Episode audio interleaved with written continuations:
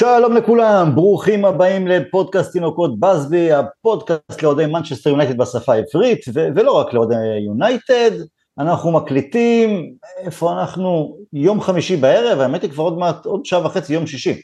אה, ומחר, מחר, זאת אומרת יום שישי, הליגה האנגלית הבכירה תצא לדרך, ואיך למען השם קבעו שהמשחק שלנו נגד וולס יהיה דווקא ביום שני, כך שנצטרך לחכות עם הלשון בחוץ עד ל kick off שלנו. מצד שני זה נותן להנהלה עוד כמה ימים להתחבט בשאלה מה עושים עם גרינווד, כי הם עדיין לא הצליחו לגבש החלטה סופית, אנחנו נדבר על זה. אה, אגב, מי שלא יצא לו עדיין להאזין לפודקאסט הקודם שרונן הקליט עם הדר וערן לגבי גרינווד, לא מהקטע המקצועי, שווה מומלץ בחום. אה, מה עוד? פרד עוזב לטורקיה, מגווייר ככל הנראה לווסטהאם, נראה אם עד ה kick off שלנו ביום שני יצליחו למכור את אה, מקטומיניי, יש גם את דוני, אולי להביא רכש אחר, בלם, חלוץ, קשר, נדבר גם על זה. סיימנו את משחקי ההכנה שלנו לעונה הקרובה, נדבר על מה שראינו שם, ובכלל תחושות, תקוות, חששות ועוד הכל מהכל. אני טל הרמן, ביחד איתי כדי לפתוח את העונה, עוד שלושה שדים אדומים, רונן דורפן, אופיר מלמוד וגבי כהן, שלום, ערב טוב חברים, מה שלומכם? מה נשמע, מה שלום כולם? ערב טוב לכולם. ערב טוב אה, גם לכם. אופיר, נתחיל איתך, כי בפעם האחרונה ששוחחת איתנו בפודקאסט היית לפני, ממש לפני יציאה לריאל בטיס, אה, לעבוד במערכת המקצועית שם, מה מעשיך בימים אלו? טוב, אז קודם כל, אה, באמת תפסת אותי אז בדיוק לפני שיצאתי לעשות התמחות בריאל בטיס. הייתי שם בתור מדען ספורט, ספורט סיינטיסט אה, במחלקת נוער, ואפילו יצא לי לראות שם אימון אחד בקומבינה בקבוצה הבוגרת, אה, ככה שזו הייתה חוויה מאוד גדולה. אז הייתי שם באמת כמה חודשים, ולמעשה ברגע שסיימתי את העונה, אה, אני רציתי כמובן להמשיך, אבל לא היה להם שם תקן, ומשם בעצם עברתי, החברה בעצם הספרדית שלדרכה עשיתי את ההתמחויות, הצטרפתי למעבדת מחקר שלהם, אה, ולמעשה כתבתי מאז איזשהו אה, מחקר בשיתוף פעולה ביחד איתם, שקשור אה, לתחום. אני לא אפרט על זה פה עכשיו, אבל מי שרוצה עוד פרטים אז הוא מוזמן לשלוח לי הודעה. ובמקביל עשיתי כל מיני תפקידים של, של ייעוץ עם כל מיני מוסדות וארגונים. אה, וזה במקביל לעבודה שלי עם אה, שחקנים. והשלב הבא מבחינתי זה באמת או לנסות אה, למצוא עבודה גם כן בתחום, כי זה מאוד קשה. מעבר לעניין המקצועי צריך הרבה קשרים, ו... או לעשות דוקטורט בתחום, שכרגע אני בודק את האפשרות של זה, יש התכנות גדולה, אז אני בודק את האפשרויות, וכרגע אני נמצא בסוג של שלב ביניים כזה, או עבודה או דוקטורט, אולי דברים אחרים שיצוצו, אבל כרגע אני שם. אז זה בגדול. שיהיה בהצלחה קודם כל, ואתם יודעים מה, לפני שבאמת ניגע בעניינים המקצועיים של יונייטד, אולי גם סוג של אה, משהו מקצועי שיש לו השפעה, אנחנו רואים שלא מעט, ודווקא שחקנים צעירים אה, נפצעים גם באקדמיה, וגם עכשיו דיאלו שנפצע עוד פעם לארבעה חודשים. מיינו. מיינו גם, וזה המון טיימינג שיכול להשתנות לרעתך, כי מיינו אם יביאו שחקן רכש נוסף לקישור, זה סוג של מטרפד אולי את משהו שטן האח קיווה אולי לפתח תוך כדי תנועה בעונה הזו, כנ"ל לגבי דיאלו, כי אמרו כבר אוקיי, משילים את אה, פליסטרי, פתאום רגע, אולי משאירים את פליסטרי, ואם פליסטרי יהיה טוב, אז דיאלו יצטרך להיות מושאל כשהוא יחזור מהפציעה. אופיר, מה, יש איזה משהו ששחקנים צעירים ובכלל יכולים לעשות נכון יותר, טוב יותר, עד כמה הם יכולים לשפר או להמעיט במספר אחוזים את הפציעות, לפעמים יש פציעות של אין מה לעשות, חוסר מזל, אבל אולי אה, להוריד קצת, אה, שפחות יהיה עניין של חוסר מזל באחוזים כאלה ואחרים, בזכות הכנה אחרת? זהו, זאת שאלה מעולה, אני אנסה להתייחס לזה באמת בכמה היבטים. אז באמת פציעות אקוטיות אה, זה משהו שקשה למנוע, כלומר פציעה שהיא נגרמת בעקבות איזושהי חבלה או איזושהי חבטה או איזושהי מכה חזקה ששחקנים מקבלים, בין אם זה באימון או במשחק, אבל פציעות כרוניות אפשר ואי אפשר למנוע. למה אני מתכוון? אפשר למנוע את זה באמת עם ההתפתחות של השחקן, הייתה התפתחות שנעשתה לפי מודל שנקרא Long Term Athletic Development. כלומר, באופן הדרגתי, אה, חשפו אותו בעצם אה, מתכנים כלליים לתכנים שהם יותר ספציפיים לענף שלו. אה, ואת זה בדרך כלל עושים על ידי שילוב של החלאה בין הגיל הביולוגי לגיל הכרונולוגי של השחקן. אני לא אפרט על זה יותר מדי כי זה יתפוס לנו הרבה זמן, אבל באופן עקרוני זה עובד בצורה כזאת שמלמדים מגיל צעיר כמה שיותר מיומנויות מוטוריות וקורדינטיביות ונותנים לשחקנים דווקא להתנסות בהרבה ענפי ספורט אה, אחרים, וככל שהם יותר גדלים, מגיעים בערך לשיא הצמיחה לגובה שלהם, איפשהו באזור גיל 14, אה, אז בעצם נכנסים יותר לפן הספציפי, לתכנים הספציפיים של הענף, וגם לפן הטקטי שלו, ובעצם אה, ככה בונים היום במרכאות שחקנים וכדורגלנים לעתיד. אה, ועושים את זה בגלל שזאת בנייה שלמעשה היא מאוד אינטגרטיבית, היא מאוד הדרגתית, ועל ידי זה שאתה עושה, משתמש במודל כזה, אתה בעצם מפחית את ההיארעות של, של הפציעות בעתיד, ואתה גם מונע את השחיקה של השחקן, ואתה גם אה, בעצם אה, רותם אותו, בוא נאמר, לסיכויים שיהיה לו קריירה ארוכה יותר, מבחינת הלונגיביטי של, של הקריירה שלו. אז זה הצד באמת החיובי אה, מהבחינה הזאת. אה, הצד השלילי, אה, לצערי, יש שחקנים שמבחינה גנטית, לא משנה מה הם יעשו, יש להם כל מיני סוגים של גנים שהם משופעלים, שברגע שהם עוברים רף מסוים של עומס, אז הם ישר נפצעים, ויש להם המון רגישויות. במקרים כאלה, וכמובן יודעים חלק מהמקרים האלה מראש, אז מנסים לבנות סוג של תוכנית אישית לכל שחקן, אה, בין אם זה התערבות תזונתית, או בין אם זה התערבות אה, פיזיולוגית, או בין אם זה אה, התערבות של שינה, או אפילו דברים שלא קשורים בהכרח רק לקונטקסט של המשחק, אלא לדברים שמסביב, ומנסים לראות איפה אפשר לצמצם באמת את, ה, את הסיכויים ואת הסיכונים כדי שהוא ייפצע.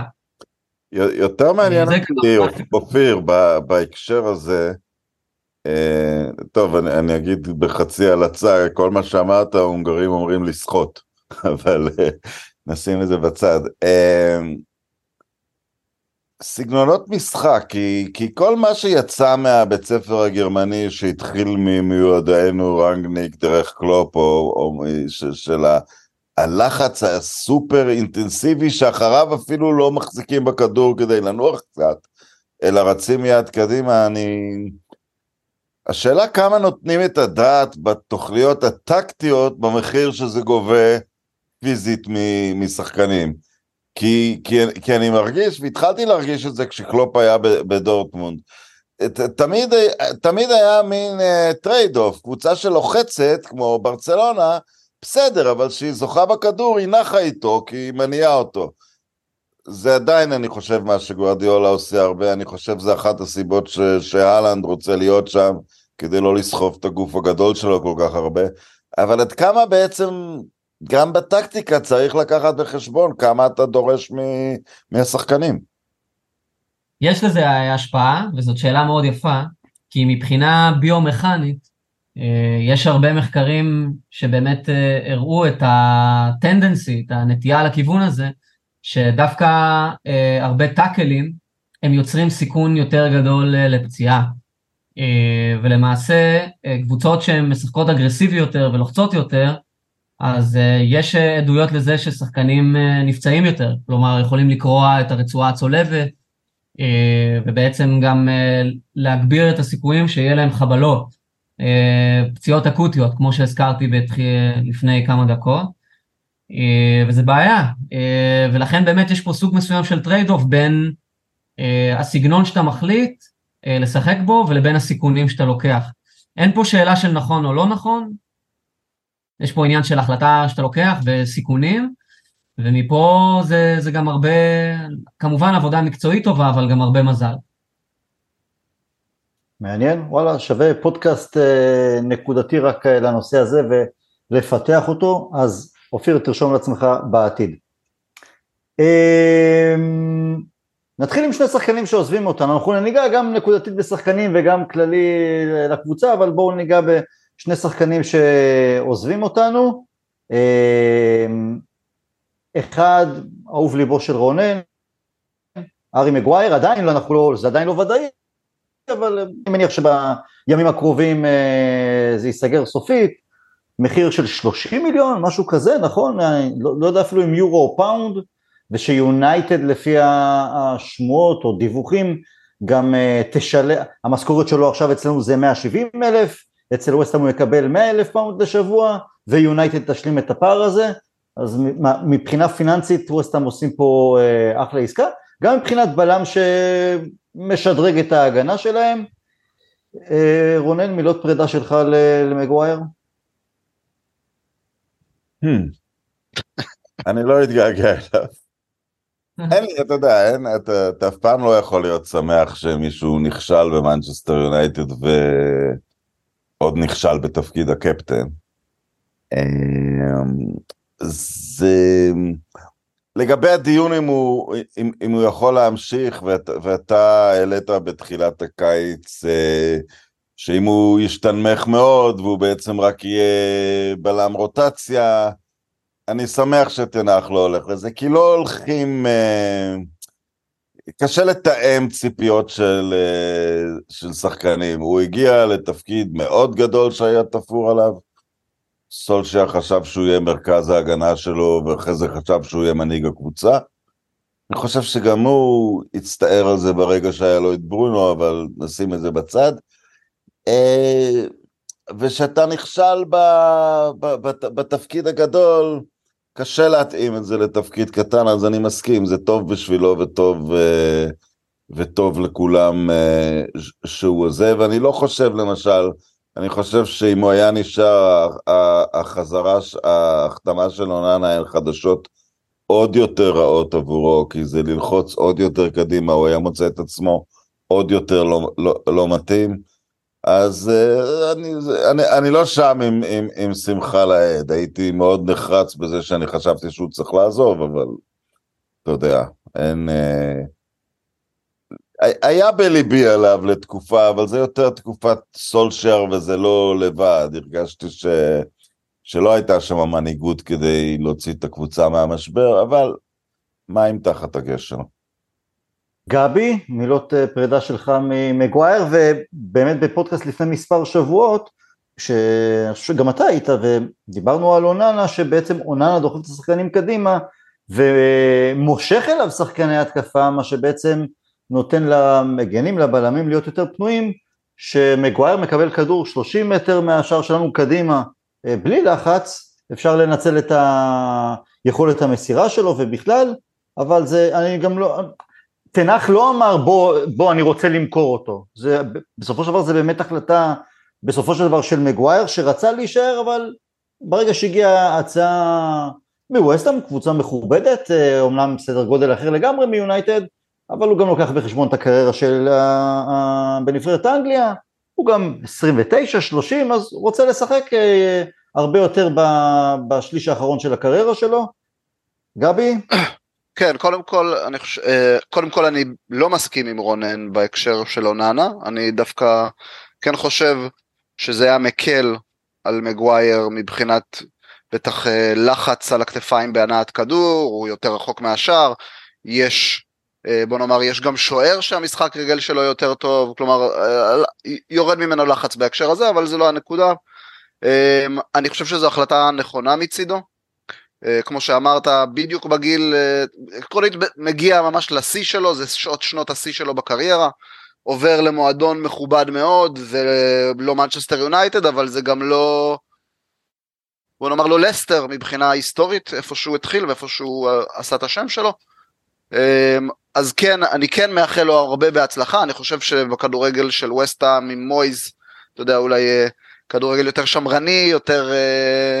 יותר אולד uh, סקול, כן יש לו מקום, הוא כן יכול uh, למצוא את עצמו, למצוא את עצמו מחדש.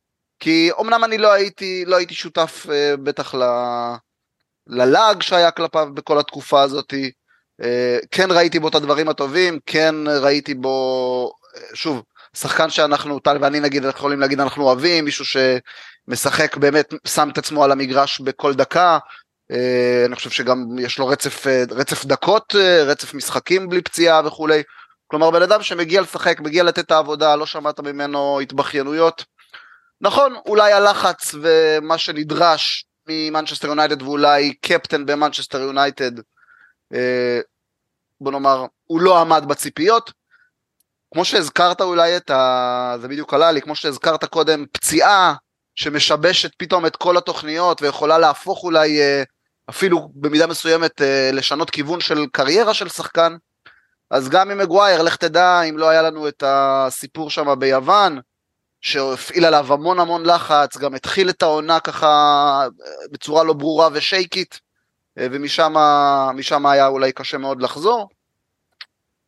שוב, מאחל לו, מאחל לו באמת בהצלחה, אני חושב שזה מקום באמת נכון בשבילו.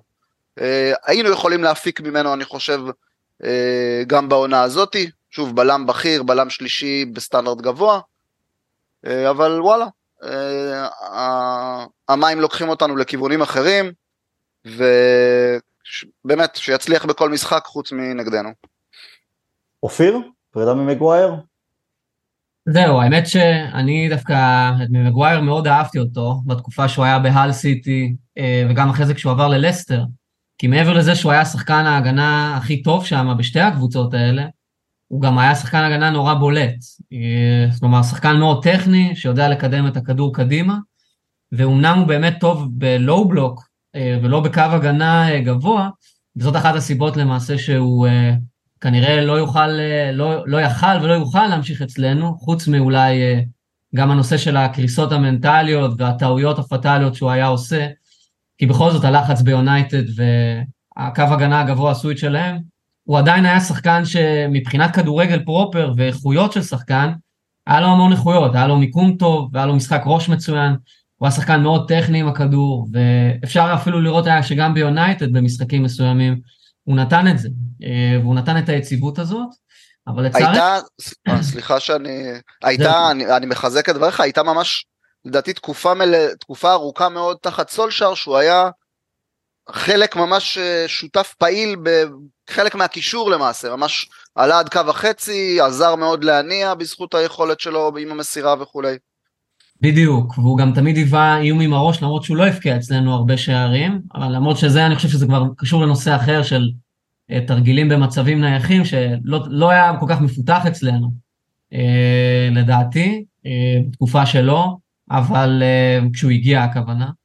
אבל הוא שחקן מאוד טכני, ובאמת אה, שחקן שיש לו כדורגל, ולדעתי כל הלעג שהיה עליו, ואני באמת מסכים עם מה שאמרתם פה קודם, היה לא מוצדק כל כך. אה, הוא פשוט לא שחקן שמתאים ברמות הגבוהות ביותר לדרישות של הכדורגל המודרני. כלומר, הוא לא אתלטי, הוא לא מהיר, הוא לא, מסגל, הוא לא מסוגל לשחק בקו הגנה גבוה, ויש עם זה בעיה. אה, ולכן, בגלל המעמד שלו, כמו שרונן אמר קודם, זה, אני חושב שהעזיבה לווסטהאם היא או לכל קבוצה בדרג הזה ובסגנון משחק הזה היא בסוף מתבקשת.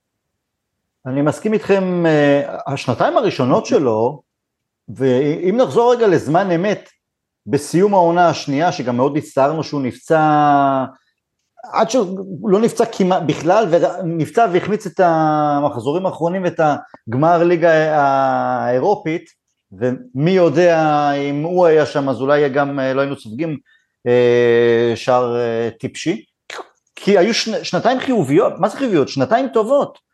ההגנה השתפרה, ההגנה השתפרה חד משמעית. השתפרה גם מבחינת נתונים, גם מבחינת המשחק ההגנתי. נכון. מישהו אז, מישהו אז אמר הוא לא עומד בציפיות, ממש לא, אלא מאוד שמחנו שסולשר הביא את ורן, שהנה סוף סוף מישהו ברמה גבוהה ישלים את מגווייר ולא ביי או לינדלוף. אה, זה בזמן אמת, כלומר אי אפשר לשנות את מה שהיה. אבל אז הייתה... אבל, אבל רגע, שנייה. בוא, גם העונה שיש עליה, בוא נגיד העונה הטובה שלו, סיימנו מקום שני ואפילו הובלנו את הטבלה אה, בינואר. השנה החדשה, שזו כן. הפעם היחידה שעשינו את זה מאז ברגי. חזרנו 14, עשינו שיא של 14 או 13 ניצחונות מעמדת פיגור. ההגנה לא הייתה מדהימה.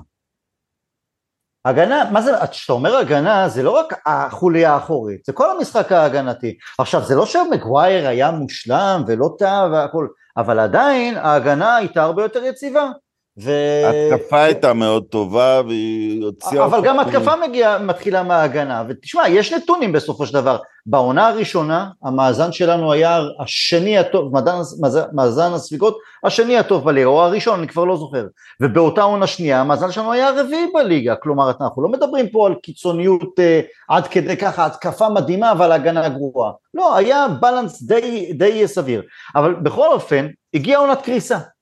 שלאחריה עונת קריסה ברמות מטורפות, מנטלית, מקצועית, הכל מהכל, ולאחריה הוא כבר היה מסומן עם איקס. ואז גם עונה חיובית בסך הכל מבחינה מקצועית שלו בעונה שעברה, אמנם לא ככינור ראשון ולא ככינור שני, זה כבר לא שינה לרבים, הוא הפך להיות מוקצה. עכשיו, כשאני רואה משחקי טרום עונה, ואני רואה פקקטי קהל, אני לא אקרא להם אוהדים, צרכנים, ששורק בוז לשחקן של הקבוצה שלנו, אה, אז זה, זה כבר לחץ ש... זה כבר לא משנה מה הוא עושה טוב או רע, זה, זה, זה כבר, הוא לא יכול להתאושש מזה, הוא כבר לא יכול לחזור מזה, הוא כבר היה מסומן. אני, מעבר לזה שלא מס... ביקורת מפה ועד הודעה חדשה, מותר, גם צריך כשיש על מה. אבל לשרוק בוז על שחקן שבאמת, זה לא פוגבה, שעשה פוזות ולא השקיע במגרש וגם הרס כל פעם מאחורי הקלעים.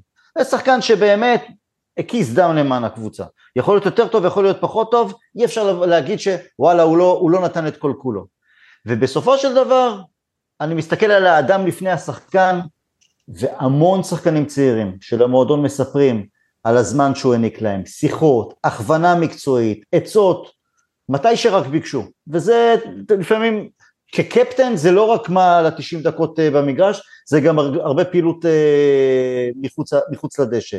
אגב, גם על הדשא עצמו בימי הקורונה, כשלא היה קהל, כל העיתונאים שהיו ב, ביציעים העידו שהוא מכווין, הוא צועק, הוא גוער, הוא מעודד, הוא קולני. זה משהו שאנחנו לא, אה, בדרך כלל פחות מרגישים, לא יכולים להרגיש ביצרים מלא, אבל הוא כן היה ווקאלי. ואני לא אשכח גם שהוא היה בגרמניה, מפרדת אנגליה, הוא ביקש במיוחד לצאת, לנסוע לאנדרטה לזכר אסון מינכן, כלומר הקפטניות שלו זה לא רק ה-90 דקות על הדשא, זה גם המון מסביב, והיו לו גם אה, נקודות טובות, אבל בסופו של דבר אני כן מסכים שהסרט הקפטן, הלחץ שזה מביא, כל העניין המקצועי, בסופו של דבר, אני לא, לא אגיד כישלון טוטאלי, אבל זה בטח אה, רחוק מלהיות ההצלחה, כי כשאתה מביא בלם ובלם ב-80 מיליון פאונד, אתה לא מצפה שהוא יעזוב אחרי ארבע שנים אה, מבחירה שלו, או כי המנג'ר גם אה, הוריד אותו להיות שחקן ספסל. שחקן נוסף שעוזב אותנו, לאחר שש שנים במועדון. כן, אמרת אהוב ליבי, חשבתי התכוונת לפרד בהתחלה. לא, לא, קצת ציניות, אתה יודע. לא, אה, פרד החביב. לא, לא, הומור אנגלי דק. כן, כן. אה, המלון של פולטי. אה, פרד עוזב אותנו אחרי שש שנים במועדון, איתי גלטר סימן לי שמספר ההופעות הגדול ביותר לשחקן ברזילאי ביונייטד, 212, אחריו אנדרסון. הכמות, הכמות היפה של המשחקים וכל השנים, האם הם מסמלים יותר את הבינוניות שהיינו בה, האם הוא כזה גרוע כמו שניסו לצייר אותו. במיוחד בשנים הראשונות, או שבסופו של דבר היה לגיטימי לגמרי לסגל מועדון כמו יונייטד, וגם עכשיו כמו פרד כמו מגווייר, זה הזמן הנכון להיפרד. אופיר, תתחיל אתה. זהו, אני דווקא בניגוד קצת למגווייר, אני חושב שפרד אה, שחקן טיפה פחות טוב במרכאות. אני לא אגיד שכל ההשמצות אולי היו נכונות, אבל מן הסתם שגם הרבה מהטענות כן היו נכונות. כי אם מגווייר היה עושה טעות פטאלית אחת למשחק, אז לפרד היה רצפים כאלה לאורך הרבה משחקים, והיה לו גם הרבה משחקים שהוא שיחק מצוין, הוא גם היה הרבה פעמים אפילו uh, man of the match, ומדי פעם אפילו נתן איזה בישול או גול, uh, וכולם התפלאו. עכשיו פרד, לפני, לפני שהוא עבר ליונייטד, מי שראה אותו קצת בשחטאר, הוא היה איפשהו על בין השמונה לעשר, שחקן מאוד פעיל, מאוד אנרגטי, מאוד מעורב במשחק. מיונייטד, ביונייטד ראינו מזה רק קמצוץ, כי בסוף לא כל השחקנים מצליחים להתעלות אה, מעבר ברמה, אה, ואני חושב שזה היה המקרה הקלאסי של פרד, הוא פשוט, קצת היה לו קשה העניין של הקצב, גם של הליגה וגם כמובן הלחץ במועדון, זה כן עשה את שלו וראו את זה. אה, הוא פשוט לא הצליח לשמור על יציבות, אה, ולמרות שהגישה שלו הייתה מאוד טובה, ואני חושב שהוא היה ספורטאי אה, מצוין, כמו במקרה של מגווייר, אז לדעתי זה, זה מקרה קלאסי של שחקן שהוא קצת אפשר לומר היה בינוני, כן, אין מה לעשות, ככה אני לפחות רואה את זה. רונן? תמיד עמד ברקע העניין, נבחרת ברזיל ממשיכה לזמן אותו. אתה יודע, אין, אה, אין רף איכות יותר גבוה מזה. אה, גרויסי מציע נבחרת ברזיל זה כבר לא ברזיל, זה לא 1970, לא, לא, עדיין בדקות שלהם, בעומק הנבחרת, אולי, אולי צרפת מעמידה אותה כמות של שחקנים, כן? אני מדבר כרגע על כמות ועומק. אבל תמיד היה, וגם למונדיאל האחרון הם לקחו אותו, אז זה תמיד עמד אה, אה, ברקע. אני חושב שהבעיה, השערורייה הגדולה עם פרד, זה שאף אחד לא, אף אחד לא יודע מי קנה אותו. מוריניו בהחלט אמר שזה לא היה החלטה שלו, בתקופה ההיא אף אחד, הייתה מין ועדת רכש של וודוורד, איזו חברה חיצונית שהוא התייעץ בה, הביאו אותו, כמו שאמר אופיר, היה אמור להיות מין תואם וויליאן, חושב שוויליאן עדיין יותר טוב ממנו גם היום. כן, בטח. אה, הוא, הוא נתן כמה משחקים באמת יוצאים מן הכלל, אפילו מלהיבים, היה משחק אחד בטוטנאם שהוא היה מדהים, היה דרבי שניצחנו 2-1 קצת לפני הקורונה בחוץ, ש... שתפסנו את הראש, הוא פשוט לא הצליח להגיע לשום יציבות. עכשיו, המאמן שהוא הגיע אליו, לא רצה אותו מראש ודיבר עליו אפילו, אני זוכר, כקשר התקפי שהביאו לו, אפילו לא היה. סולשייר עשה איתו עבודה נפלאה, כולל הציוות המפורסם מקפרד שעבד לתקופה, והוא במידה רבה הוציא פה מים מהסלע. אבל אלה לא פרויקטים, גם השחקן הקודם שהזכרנו שצריך uh, להתעסק איתם. אלה, להפוך את פרד לחצי טוב, לגרום לארי מגווייר לשרוד, באמת, עברנו את, ה, את הנקודה הזאת שאנחנו, ש, שקבוצה חושבת אה, על שחקן, צריך לראות מי תורם משמעותית למערכת והוא לא. למרות שתמיד יהיו שחקנים שאתה מנסה לקדם ו- ולשפר בהנחה, בתקווה שהם יהיו מספיק לא, טובים. יהיו שחקנים שהם לא מדהימים כמו ג'ון אושי, אבל אתה אומר הוא, הוא לכל משימה. אפילו את הלוחש לו באוזן שמישהו ירד על אלונקה, משהו. יהיו שחקנים לכל משימה, שחקנים פחות טובים, אבל אלה מין שחקנים שאין להם, אתה יודע, איזשהו אה, ערך מוסף אמיתי, שאתה אומר בנקודות האלה, ואתה יודע, פלצ'ר תמיד אמר בריאיון המאוד יפה שלו ביוטיוב, שפרגוסון שיתף אותו במשחקים הגדולים, כי הוא מילא הוראות טקטית בדרך הכי מדויקת שקיימת. אתה לא יכולת להגיד על שני פזורי הדעת האלה שהם הכי מדויקים בקיום הוראות טקטית. לא היה איזה תכונה אחת טובה שאומרת, אתה יודע, האיש הזה צריך להישאר uh, במנצ'סטר יונייטד, אבל תמיד חביב ונלחם, ואני בהחלט מאחל לו הצלחה. אני, אתה יודע, הוא, הוא, הוא בסוף יהיה מין דמות, uh, דמות קאלט כזאת יותר בהיסטוריה של יונייטד. אני לא יודע על דמות קאלט, מאחל לו בהצלחה. אה, גבי, מעניין, כמו אנדרסון בזמנו שהגיע אלינו מפורטוגל, גם אנדרסון לפורטוגל היה השחקן ההתקפי היותר בין שמונה לעשר, כמו שאופיר ציין לגבי אה, פרד אה, בשכתר, וכשמגיעים ליונייטד הם הפכו להיות לאט לאט או מהר מאוד, יותר הקשרים האחוריים ההורסים משהו. קש... כן, קשרי אמצע.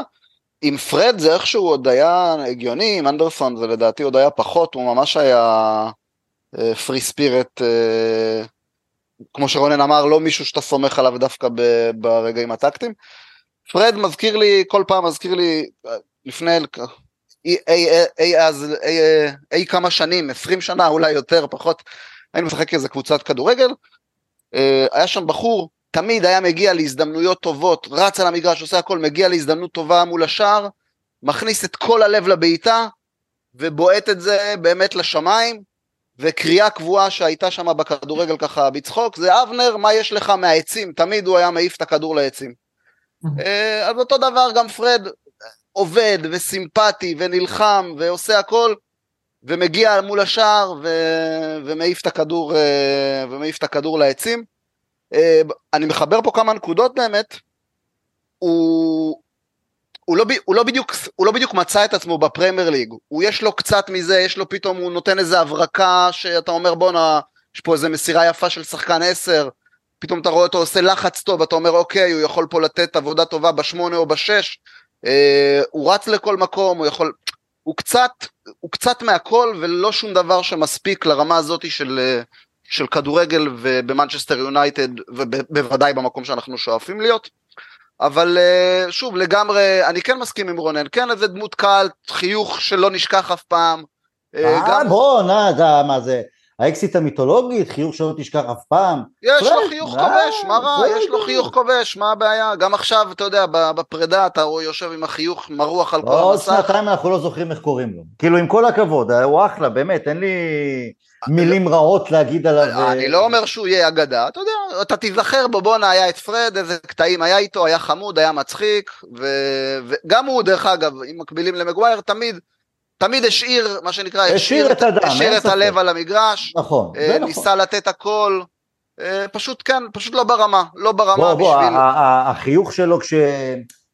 כשהוא עוד פעם איבד כדור מעצבן, אחרי פעולה מצוינת, שזה בעצם המאפיין שלו, הוא עשה לפעמים פעולות של 9-10, ואז כמה דקות אחרי זה הוא מוציא לך פעולות וזהו, של וזה בדיוק 3-4.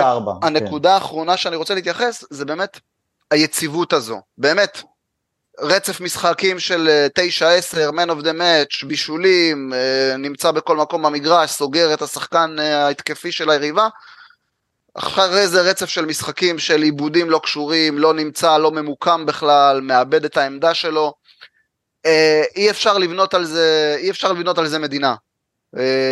אתה צריך, המאמן לצורך העניין צריך לדעת מה הוא מקבל מהשחקן הזה ואיפה הוא מקבל את זה. ומפרד לצערנו לא יכולת לקבל את זה, תמיד מפוזר ו, ואף פעם לא, אף פעם לא, עומד, לא נותן את מה שאתה חושב, אתה מצפה שהוא יהיה גרוע, יהיה טוב, ולהפך, לצערנו זה כבר לא, לא עובד. איפשהו לפעמים אני יותר מעדיף את השחקנים שאני יודע שאני אקבל מהם 6, 6 וחצי, אולי 7, אבל באופן קבוע מאשר ה-8, 9 ופתאום 3, 4. נראה לי קצת אה, עדיף, לא יודע. ינום רבה, טל. זה בדיוק נראה לי הטייפקאסט של השחקן. כן, כן. אה, אנטוני למשל, הוא כרגע, הוא נותן לפעמים את התשע עשר, ואז יש לו גם את השלוש ארבע, הוא גם כן יהיה חייב להתאפס אה, איפשהו. אה, יש גם אחרים, אבל בואו נדבר קצת, בואו נראה, כי גם קיבלתי לא מעט שאלות. בואו נתחיל עם משהו שדווקא, נמשיך עם משהו שהוא לאו דווקא מקצועי, אבל עונת המלפפונים עומדת להסתיים, כמובן יש עוד, עוד כמה שבועות עד סגירת חלון העברות. פעם היינו באמת אה, יודעים ששחקן חתם, או שמגיע ממש ברגע האחרון.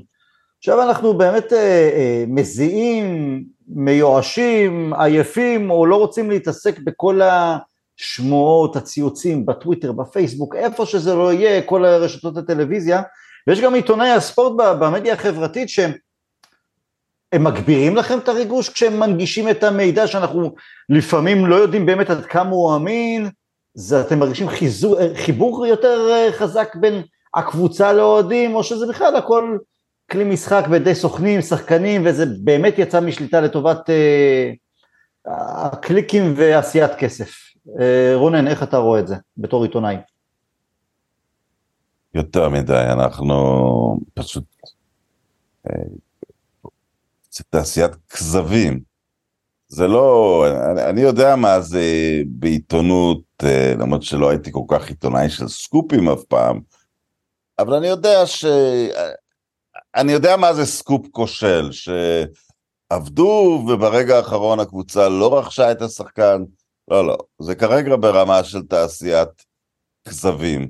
יש מישהו שאומר, אה, כמה כניסות לגוגל ומכירת פרסומות נעשה אם נגיד שמנצ'סטר יונייטד מתעניינת ב-X והם פשוט יכתבו את שם הבן אדם הזה ואין לזה שום קשר. אה, יצטרכו לעשות לזה יום אחד רגולציה כי זה כמובן בתחום הספורט זה רק מעצבן. Uh, בתחום הפוליטי זה כבר הפך לאומנות, להנדס תודעה בכל מיני צורות.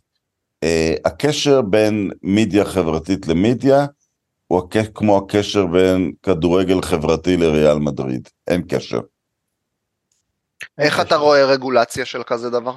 אני לא יודע, אבל זה דבר... אה, אה, אתה זה- חושב שזה, בוא נאמר, אני חושב, בוא נאמר בעולמות ה... לא ניכנס לשם, אבל בעולמות הפוליטיקה זה בוודאי, בוודאי משהו שיכול, אתה יודע, לייצר, אה, לייצר אולי משברים גדולים ועניינים אפילו בינלאומיים, אבל מה, מה כל כך, כאילו, מה, מה הנורא בזה מעבר לבידור בכדורגל? אני, מנסה כאילו... להבין. לא, חוץ מזה ש... ש... שאתה כלי משחק, ושאתה כלי משחק של אחרים, ומבחינה תרבותית, אנושית, זה לא... מהמם. אתה יודע, אנחנו לא רואים אפילו בפורום שלנו. אולי איזה ידיעה אה, חסרת שחר, וזה מצליח ליצור עימות בין שני משתתפים, כן? שאז הם אפילו, אתה יודע, קצת, אה, אה, קצת יוצאים מזה בתחושה לא נעימה, זה, זה לא אמור להיות שם, ואתה יודע שזה נעשה... מסכים במ- לגמרי.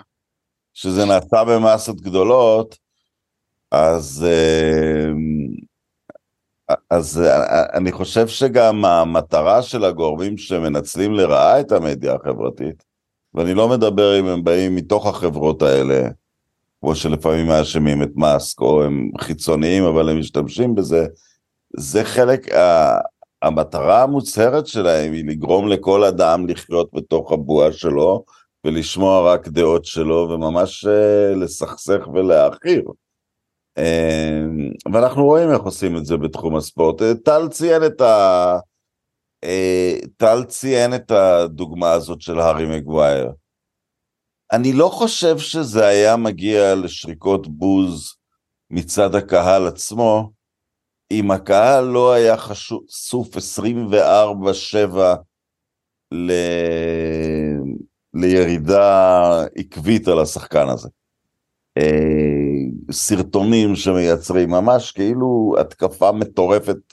אה, הוא, הוא לא היחיד שעומד בזה, וזה לא, וזה לא יכול לשמש תירוץ, כי יש את הצד השני, אתה מרוויח בשבוע מה שארבעה אנשים מרוויחים בשנה, אבל אני לא חושב, למשל, זו דוגמה מאוד טובה. שחקנים ששורקים בוז לשחקנים מה, מהקבוצות שלהם, הייתה תופעה נדירה שבנדירות, אנחנו רואים את זה אצל מגווייר, אבל זה קיים גם קצת בקבוצות אחרות, ו- וזה סתם מקום שזה הופך את החיים שלנו לקצת יותר מאוסים. אופיר, איך אתה עם אה, כל הצייצנים למיניהם שמדווחים לנו, הנה, תכף, עושים פה, עושים שם, ב-99% מהפעמים גם לא יוצא מזה כלום, ומדי פעם אה, גם פוגעים.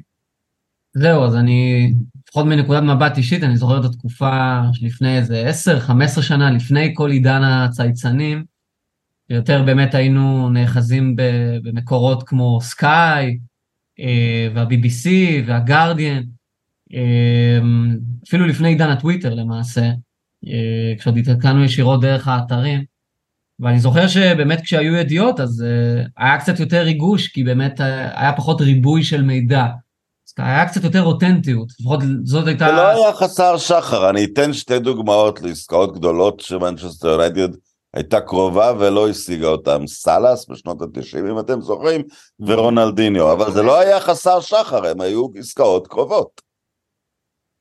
כן, טוב, זה, זה כמובן לא קשור באמת לחוויה שאנחנו היום מקבלים בתור אה, אוהדי כדורגל, כן? אה, עם כל מה שקורה, בגלל הריבוי של הידיעות, ובאיזשהו מקום הריבוי הזה של הידיעות, שפעם הוא היה הרבה פחות, בגלל כל העידן הגלובלי הזה מבחינת הרשתות החברתיות, הריבוי רשתות חברתיות והריבוי ידיעות, אז באיזשהו מקום זה קצת מוריד את הריגוש אה, לדעתי, אה, הופך את זה אולי למשהו קצת יותר מכני, אבל ככה אני רואה את זה לפחות מהצד, לעומת איך שהרגשתי לפני עשר שנים, או משהו כזה, אפילו עשר, חמש עשרה שנה. והוותיקים פה, שזה שלושתכם, אה, בטח לפניי יודעים איך זה היה עוד בתקופה שזה היה רק בעיתונות או, או מהטלוויזיה. זה בטח הרגיש אחרת אפילו, כמו שטל ציין אה, קודם. אבל אה, כן, זה מרגיש טיפה מכני, אבל בגלל שיש יותר מידע ויש יותר הדלפות, אז מצד אחד חלק מהדברים אולי נכונים, אבל חלק כמובן מהסיפורים זה סתם ספינים או דברים ללא כיסוי, בשביל לסחוט קצת רייטינג. אז כן, זה חווים הכל מהכל, ועד שלא באמת רואים התקדמות, והידיעות האמינות יותר מתחילות לצוץ, אז לא באמת אנחנו יכולים לדעת עד הסוף. זה, אתה יודע מה, אני נזכר כשהייתי בקורס בעובדה, ממש בתחילת השירות שלי, אה, אין טלפונים, אין פלאפונים, אה, אני זוכר שהבאתי את הרדיו הקטן איתי לנסות לשמוע, לעלות על איזה גבעה, לשמוע את ה-BBC ברבע לאחד בלילה, כי תמיד הייתה מהדורת ספורט לשמוע מה חדש, אז גם לא הייתה שם קליטה, ותמיד הייתי מתגנב לאזור של השקם של הקצינים, כי לשם הגיעו העיתונים, ואז לחיילים, עיתון ספורט זה כמו, מה אני אגיד לכם, כמו זכייה בלוטו אם אתה נופל לך מדור ספורט ל, לידיים דאז, וראיתי ידיעה שרכשנו את אנדי קול, תקשיבו, אם היה לי רובה ב... באותו רגע ביד, אני מניח שגם הייתי מכניס מחסנית ויורה באוויר. הקב"ן אומנם לא אישר לי להחזיק אה, כל כך הרבה רובה, אבל בסדר, לצורך העניין, זה היה טירוף. היום, לו, לו אז היה את הטוויטר והכל, אז סביר להניח שהיינו היינו יודעים שאנדי קול מתקרב, מדבר, אוכל מרק, מה שזה לא יהיה. ו- וכן, לי זה, זה הורס משהו, זה שינה משהו. גבי, גם לך? אני לגמרי מסכים איתכם, זה פוגע, זה בדיוק הנקודה, זה פוגע קצת ב, בריגוש ו, ובחוויה של, של משהו חדש, כי שום דבר לא חדש, כי נניח שהמרב"ט יגיע, אנחנו כבר יודעים לפני חודש שהוא יגיע, נו, בסדר. זה כבר לא, כבר קראנו עליו, הלכנו לראות סרטונים, ניתוחים, הכל. כבר אין את הריגוש. אתם, אני חושב, אמרתם את כל הדברים השליליים, אני, אני שוב, אני סך הכל יחד איתכם, אני אנסה לתת איזה פרספקטיבה נעימה. אה, פרספקטיבה טובה. דווקא אנחנו, נגיד, אה, אנחנו ושכמותנו, עכברי כדורגל האלה, שפתאום יש איזו ידיעה שרוצים להביא, סתם אני אומר, אה, נגיד עכשיו מתלבטים אם זה יהיה טודיבו, הבבלם, או פווארד, או לא זוכר מי, יכול להיות שזה הכל מונפץ, יכול להיות שהוא שחקן אחד קצת יותר קרוב לקבוצה, שחקן אחד פחות קרוב, אולי שחקן אחד בכלל לא קשור, וסתם השם שלו השתרבב. אבל לפחות לנו, גם בקבוצה, בעולם הזה שאנחנו, בעולם הווירטואלי שלנו בקבוצה, זה מייצר לנו דיון. פתאום, רגע, איך נשחק? אם פווארד יגיע, אולי קשר, אולי הוא משחק מגן ימני, אולי הוא דווקא מגיע אה, כבלם מחליף. יוצר לנו, לפחות בוא נאמר, מעביר לנו, מעביר לנו עוד כמה, עוד כמה שעות, עוד כמה דקות של, ה, של הפגרה, בעוד איזה שיחה, אתה יודע, על הדברים שאנחנו כל כך כבר רוצים ומצפים לראות. אה, נחמד, גם נותן לך רעיונות, לי לפחות, זה נגיד הרבה פעמים, אני פתאום מנסה לחשוב, רגע, למה, למה השחקן הזה מקושר אלינו? רגע, זה, זה אמיתי? מה תנ"ך מחפש לעשות? אה, גם קישרו אותנו בעבר לשחקן ההוא, וזה גם היה אמין. אז אני מבין, הוא רוצה לנסות אולי לבנות איזה מרכז קישור כזה, אולי הוא מחפש לעשות לחץ אחר. אה, ככה הוא לא יודע, אני נותן איזה פרספקטיבה חיובית לסיפור הזה שאני, שאני עקרונית לא תומך בו. משחק manager אה, בסגנון שונה. אתם דיברתם על, על עיתונאים, המדיה החברתית עצמה, יש משהו שאתם יודעים שאני מאוד אוהב, זה קצת יותר חשיפה לתוך החיים של השחקנים, כמובן זה, זה ממודר, זה מה שהם מוציאים החוצה. אני זוכר דברים מאוד מעניינים דווקא אצל קוואני, שמאז אנחנו פחות אוהבים אותו, אבל uh, יכולת ללמוד על החיים של הבן אדם הזה ממה שהוא מוציא. יש שחקנים שעושים שימוש נורא יפה במדיה החברתית שלהם, לפעמים למטרות טובות ולפעמים סתם כדי לספר על עצמם, במיוחד כי אנחנו מקבלים המון שחקנים מכל מיני מקומות אקזוטיים, אז את הנקודה הזאת אני קצת אוהב, אבל זה, זה לא קשור ממש לעיתונות. כן. טוב, בואו נחזור לקטע המקצועי. אופיר, מה היו הבעיות העיקריות שלנו בשנה שעברה לטעמך? האם התקדמנו בקיץ הזה כדי למצוא להן פתרון? ואם יצא לך לראות, אני חושב שיצא לך לראות אולי חלק ממשחקי ההכנה, האם יצאת מעודד אה, בהקשר של הפתרונות שאנחנו מחפשים? זהו, אז אני אתחיל מהסוף. אני חושב שמשחקי ההכנה, אה, ראיתי את חלקם השנה, הם באמת היו דומים גם לאלה של שנה שעברה למעשה. אה, זה פחות או יותר אותו סגנון אה, של תנ"ך, שאנחנו יודעים איך הוא משחק. אה, אז לא הייתה פה באמת איזו הפתעה גדולה, השוני הגדול הוא באמת בשינוי של הסגל השחקנים שהוא מנסה לעשות. עכשיו, אני חושב ששנה שעברה כבר היו סיכומים על העונה, אז אני לא אחזור על כל הדברים, אבל היו דברים מסוימים שאני באופן אישי הייתי די מרוצה, כי בסך הכל, אחרי עונה ראשונה שבה באמת גם מגיעים לגמר גביע, גם זוכים בגמר גביע הליגה וגם מגיעים בסופו של דבר למקום השלישי בליגה, uh, למרות שהסוף היה קצת מגומגם, אז אני חושב שזה היה באמת, uh, uh, אלה הצעדים החיוביים, uh, ובאמת גם במתפרצות, שעשינו אותם נהדר גם שנה שעברה, עושה רושם שאנחנו אה, נעשה אותם אולי אפילו טוב גם השנה, כי יש לנו את החומר שחקנים לזה, והקבוצה גם מתאמנת לזה. השאלה הגדולה מבחינתי זה גם, מעבר כמובן למשחק ההגנתי, שאני רוצה לראות שיפור גבוה יותר, זה כמובן גם יותר ליציבות בקישור, גם יותר אה, אולי אה, מקום ודגש לתרגילים במצבים הנייחים, גם בהתקפה וגם בהגנה, וכמובן לשלוט יותר טוב במשחקים כשהקבוצה שנמצאת מולנו משחקת בקו הגנה נמוך, והיא זאת שמנסה לעקוץ אותנו, ואנחנו אלה שצריכים לתת את הפתרונות ולשאול שאלות מבחינה התקפית ולהפקיע יותר שערים. שם יש לי קצת אולי ספקות לגבי תנ"ך, אבל אה, אני מאוד מקווה שהוא יצליח. אני, כולנו רוצים שזה יקרה.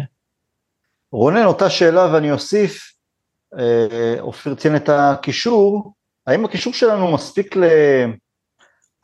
קשה לי להגיד אליפות, אבל אולי מאבק על האליפות, או הקישור שלנו לעומת אה, קבוצות צמרת אחרות?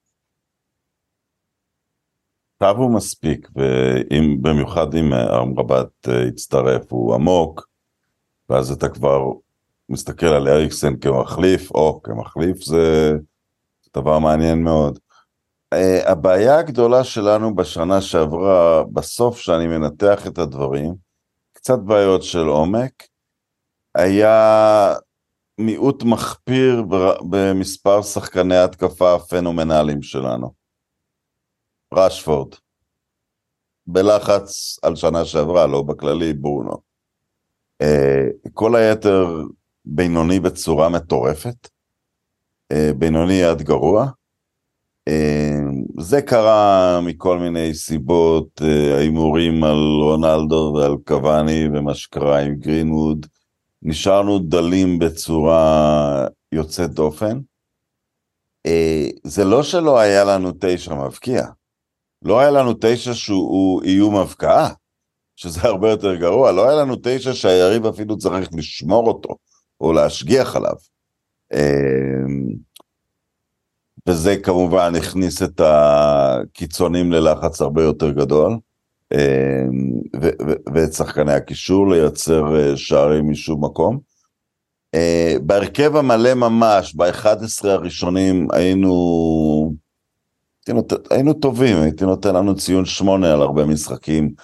אמ, את, את החיסרון השלישי כבר לא יכולנו לספוג. שחקן, שניים, אה, הפסדנו לארסנל ברגע, ש... ברגע שקסמירו קיבל צהוב במשחק לפני זה, היינו על הקשקש, אני מרגיש שאנחנו לא שם עכשיו, ש... שהמצב הרבה יותר טוב, שיש לנו יציבות בקישור, ואני אני ממש מחכה לעונה הזאת, כי אני מרגיש שכל שחקן שנרכש, ודיברנו, הזכרתי את זה בקטנה בפרשת פרד, מי בדיוק קנה אותו, או בפרויקטים לשיקום שסולשייר לקח על עצמו. לא, אני מרגיש שעכשיו זה נגמר. הגיע בדיוק השוער שהמנג'ר רצה, הגיע החלוץ המרכזי שהוא מאוד רצה, הגיע קשר שברור לי שהוא רצה אותו, כי אף אחד לא יכול היה לנחש את זה, אבל אני נותן פה קרדיט. המבט אם הוא יגיע זה אותו דבר.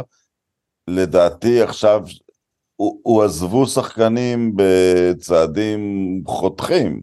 שוער שהוא אגדה בקבוצה, קפטן הקבוצה, אמ, דברים נעשו בצורה מאוד חותכת בקיץ הזה, אה, כדי להבליט את מה שאמור להיות היתרון הגדול שלנו, וזה אריק תנהק עצמו, אה, שלכאורה יש לו מוח, או לא לכאורה, ראינו שיש לו מוח כדורגל ממש מבריק, אפשר להגיד אנחנו קרובים מאוד לקבוצה בצלמו. אמ, אני לא יודע מה קורה עכשיו בבלמים, אבל זה נקודה, או שמישהו יבוא, או שהוא מתכוון לשים שם את שו, אני לא חושב שמגווייר עזב אה, וזה תפס את אה, תנח אה, לא מוכן הבוקר. אני לא חושב שזה קרה, אני לא מרגיש שהוא התפשר על כלום, ו... ו... ואני גם רואה שהוא מכין כמה שחקנים צעירים ל... למבחן. מיינו קרה, מיינו ודיאלו לצערנו נפצעו, אבל אני מקווה שהם עדיין יקבלו. פתאום פורסון, שהוא לא בן אדם שדיברו עליו הרבה, אז אני חושב שיהיו כמה ניסיונות עם שחקנים צעירים. אני... יש לי ציפיות מאוד גדולות, שנראה, אם נחזור לשאלת מה הייתה הבעיה שלנו, שנראה כמה אנשים מרימים את עצמם בהתקפה להיות כוכבי כדורגל, כי זה, כי זה, מה, ש, כי זה מה שלא היה לנו, לא היו לנו כוכבים בשנה שעברה. גבי, אותה שאלה, ואני אוסיף גם לך, אה, רונן מציין שאנחנו... תזכיר מק... את השאלה גם, זה כבר עבר איזה שעה. לא, עבר איזה זמן, אני חרשתי הרבה. איך זה היה עם אה, בלול? מה, מה הייתה השאלה? מה הוא קופץ? מה הוא קופץ? כן. מה הייתה הבעיה שלנו בשנה שעברה, המרכזית? כמה אתה רואה את זה נפתר. אז מה הייתה הבעיה?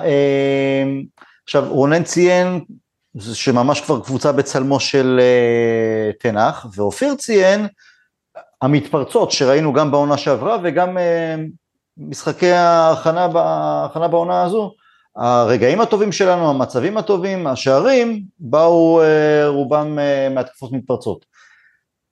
אני לא חושב, או אני, אני הציפייה שלי, של כולנו אני מניח, זה שהקבוצה בצלמו של תנח, שהדגש לא יהיה רק על הקבוצה שמגיעה בעיקר למצבים ונראית טוב בעיקר בגלל המתפרצות, כי זה גם היה לנו את החצול שער.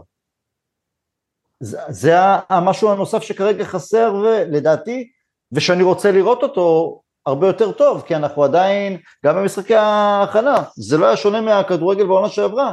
הפלוסים והדברים שצריכים אה, לתקן, או לשפר הרבה יותר. אה, נכון, אני, אני אמשיך פה גם את הדברים של רונן, אה, אני חושב שבעונה שעברה, אתה יודע, אם, אפשר, אם אתם רוצים אפשר להסתכל על זה בצורה חיובית, תנח היה מאוד פרגמטי. הוא הבין די מהר שהוא לא יכול לשחק את הכדורגל שהוא רוצה. לא עם דחיה בשער, לא עם uh, מגווייר אם זה בלם, לא הקישור הזה שהיה, לא התקפה שבאמת לא הייתה קיימת. Um, והוא הלך לכיוונים מסוימים uh, שעבדו לו טוב עם השחק... או עבדו לו. לפחות יחסית טוב, או חלק מהעונה, עם, ה... עם סגל השחקנים שהיה קיים, שאין מה לעשות, uh, לא היה שלו, גם לא שחקנים שהוא הביא, גם לא יכיר אותם, לא הטמיע בהם uh, יסודות שהוא רוצה, uh, שהוא רוצה לראות על המגרש. לכן ראינו, שוב, בוא תגיד את זה פרגמטיות, ראינו אותו משחק עם מה שיש. התקפות עבדו לנו טוב עם סולשאר, אה, הוא סך הכל גלש על הקלף הזה, אני אומר את זה באמת לחיוב, כי מאמן חייב להיות פרגמטי. ובגלל זה אנחנו זוכרים שעונה שעברה כל הזמן שאלנו, רגע, תנ"ך זה לא, זה לא לחץ גבוה, זה לא כל הקבוצה בטירוף על החצי, על החצי השני של ה... על החצי הקבוצה היריבה, לוחצים על כל שחקן, לא נותנים להם לנשום. לא יכולנו לראות את זה שנה שעברה, אני חושב שהוא הבין את זה מהר מאוד, שאין לו את השחקנים אה, לבצע את זה, לא רק את, ה, לא רק את הלחץ עצמו, אלא גם את המעבר שהוא רואה בעיני רוחו מהלחץ להתקפה, תקרא לזה מעבר, התקפות מעבר, התקפות מתפרצות. אה, כמו שרונן אמר, עכשיו זו קבוצה ממש ממש בצלמו, זה, זה אוננה שלדעתי הוא יהיה ההשפעה הכי גדולה על סגנון המשחק שלנו וכבר דיברנו על זה ואני חושב שהוא ממש מפתח, אה, זה למעשה השלישייה הזאת, אני, זה משהו שציינתי בקבוצה, השלישייה הזו של אה, אוננה, מאונט והוילנד אמורים לתת לו, אמורים לתת לתנ"ך את היכולת לשחק את הכדורגל שהוא רוצה. אוננה מביא את, מתחיל לנו את המשחק הרבה יותר גבוה, מאונט עם היכולות הבאמת הספציפיות שהוא חיפש תנ"ך, אה, שחקן שיודע ללחוץ טוב, אה, נע הרבה על המגרש, נייד, גם יכול גם לתת את המסירה לגול, גם את הגול, למרות החמצה, החמצה מאוד מאכזבת במשחקי ההכנה. והוילנד, אה, גם שחקן שאמור לתת פיזיות, אמור לתת המון מהירות, מהירות ש... שגם אוננה, גם מאונט יוכלו לנצל מתוך הלחץ הזה שאנחנו נדע לבצע. Uh, לגמרי לגמרי לגמרי זאת תהיה קבוצה ואני אוסיף רק, אתפרץ לרגע ואז יצא, כן. שלושת השחקנים האלה, אם הדברים ילכו איתם, הם לעשר שנים. בהחלט, בהחלט, לגמרי, זה שחקנים שהם קדימה, לא יודע, לא עשר, אבל חמש, שש, שבע, שמונה שנים לגמרי, אם הם, אם הם נותנים את מה, שצפ, מה שמצפים מהם, הם, הם, הם, הם יתעלו לרמות שאנחנו, שאנחנו מצפים מהם לחלוטין, אה, ולתנ"ך יהיה קצת פחות תירוצים השנה, לא, ש, לא שהוא ישתמש בהם, אבל אני אומר, הוא כבר לא, הוא כבר לא יכול להגיד אה, הייתי פרגמטי, ושיחקתי את מה ששיחקתי עם מה שהיה. אה, אני כן, אני כן תוהה, אתה, שאני רוצה להתייחס למה שאתה שאלת, על אה, יותר שליטה במגרש, יותר להכתיב, להכתיב את, ה, להכתיב את הקצב, זה יונייטד באה לשחק ולא באה להגיב. אני כן חושש למרכז השדה, למרות שהוא כן מרכז שדה לדעתי מצוין, ומרכז שדה שלישיית, בוא נאמר שלישיית המרכז השדה שלך, קסמירו, מאונט וברונו, ואני לא חושב, ש... אני לא חושב שהם... אה, לא חושב שיש קבוצה שלא תרצה אחד מהם. ואתה מגובה באמרבת ובאריקסון, מה? אתה עוד מגובה באמרבת, רונן, חכה, תשמעו שיגיע. אני מאמין שהוא יגיע. נהיה שקט בגזרה שם. אני מאמין שהוא יגיע. אה, ראיתי שהם עשו, פיורנטינה עשו איזה רכש יחסית גדול, אז אני חושב שזה מתחבר לכספים שהם יצטרכו לקבל, או מצפים לקבל. אה, ואיבדתי את קו המחשבה לרגע. הקישור אתה אמרת שמדאיג אותך. אה נכון נכון נכון. אמ, אם אנחנו כן רוצים לשלוט בפרמייר ליג, בפיזיות של הפרמייר ליג, באינטנסיביות של הפרמייר ליג, סימן שאלה אם זה יכולים להיות שם אה, קסמירו, מאונט, ברונו, אולי קצת רך מדי, נראה, נראה מה הוא מתכנן, מה, מה תנ"ך מתכנן לפתור את זה, לתחושתי לפחות. כן, שקסמירו לא יכול uh, לעשות את זה לבד למעשה, ראינו שכבר אפילו, למרות שהוא היה man of the match, כנראה חצי מהמשחקים בשנה שעברה, בחצי השני שהוא לא היה man of the match, uh, כבר ראו שיש לו קצת רגליים כבדות בחלק מהמשחקים, ו... הוא יצטרך את הגיבוי הזה, בגלל זה... אנחנו אמרנו את זה לא פעם בפודקאסט הזה, שהפרמייר ליג חושפת חולשות. שחקן שהיה נהדר, ושוב, אין לי מילים רעות אה, על אה, קסמירו, כן, ברכה ברכה, אבל כן, הפרמייר ליג חושפת חולשות. אה, מישהו שהיה טוב במקום אחר, צריך, צריך להראות, להראות הרבה יותר בפרמייר ליג. נכון. אופיר, תכף, השעה 11:34, אתם לא עייפים, נכון? יש לנו את הזמן, אתם לא צריכים ללכת... יאללה. יאללה, נמשיך. אופיר, גבי ציין את אוילנד בין היתר בהקשר של הרבה יהיה בנוי עליו.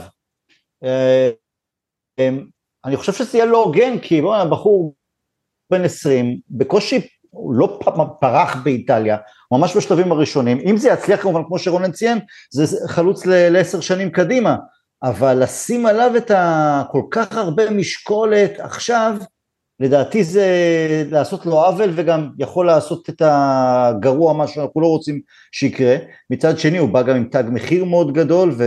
ו... ואמור להתאים לסגנון שתנח מכוון אליו, אז קצת על זה, וגם אנחנו צריכים את התעודת ביטוח הכי אה, גדולה שלנו, מה הציפיות של אה, מרשפורד לעונה הקרובה, כי בעונה שעברה הוא היה מצוין, אה, אבל אנחנו צריכים אותו שיעלה מדרגה אחת נוספת, כדי להיחשב שחקן על, כי היו עונות טובות, הוא כבש כבר 20 שערים, עונה ועוד עונה, אבל זה לא, זה אף פעם לא היה יציב, זה סוג של עונות יויו, איך אנחנו גורמים לזה שהוא יהיה שחקן מכריע בכל שבוע, כמו שהארי קיין, כמו שאלנד והדומים להם.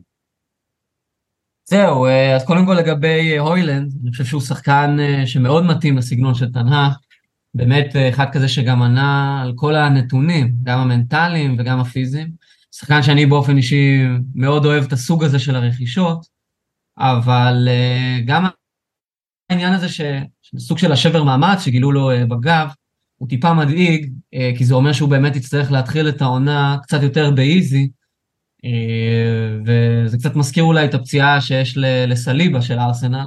כמה זה, כמה זה מדאיג באמת, סליחה, לאורך זמן? זה משהו שיכול ללוות אותו בקריירה? כלומר, אני זוכר, אני חושב שטל, אתה סיפרת את זה בזמנו, שגיגס סבל בתחילת הקריירה מהרבה באמת, כן, הרבה בעיות, גב, עד שגילה את היוגה, בדיוק, עד שהוא התחיל לעשות יוגה, כן, כן.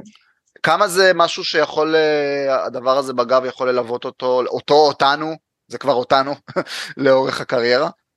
זהו, זה יכול. עכשיו, אני לא, לא רופא או אורתופד או אפילו לא פיזיותרפיסט, אבל uh, זה בהחלט משהו שיכול uh, uh, להיות הרבה מאוד זמן uh, ברקע, ובטח אם הוא לא מקבל את המנוחה הנאותה, ובאמת היה איזשהו חשש, קראתי על זה באינטרנט uh, לפני כמה ימים, שאם הוא ישחק באופן קבוע שני משחקים בשבוע, יש איזשהו חשש אמיתי, uh, באמת דאגה אמיתית, שהוא פשוט לא יצליח לסחוב.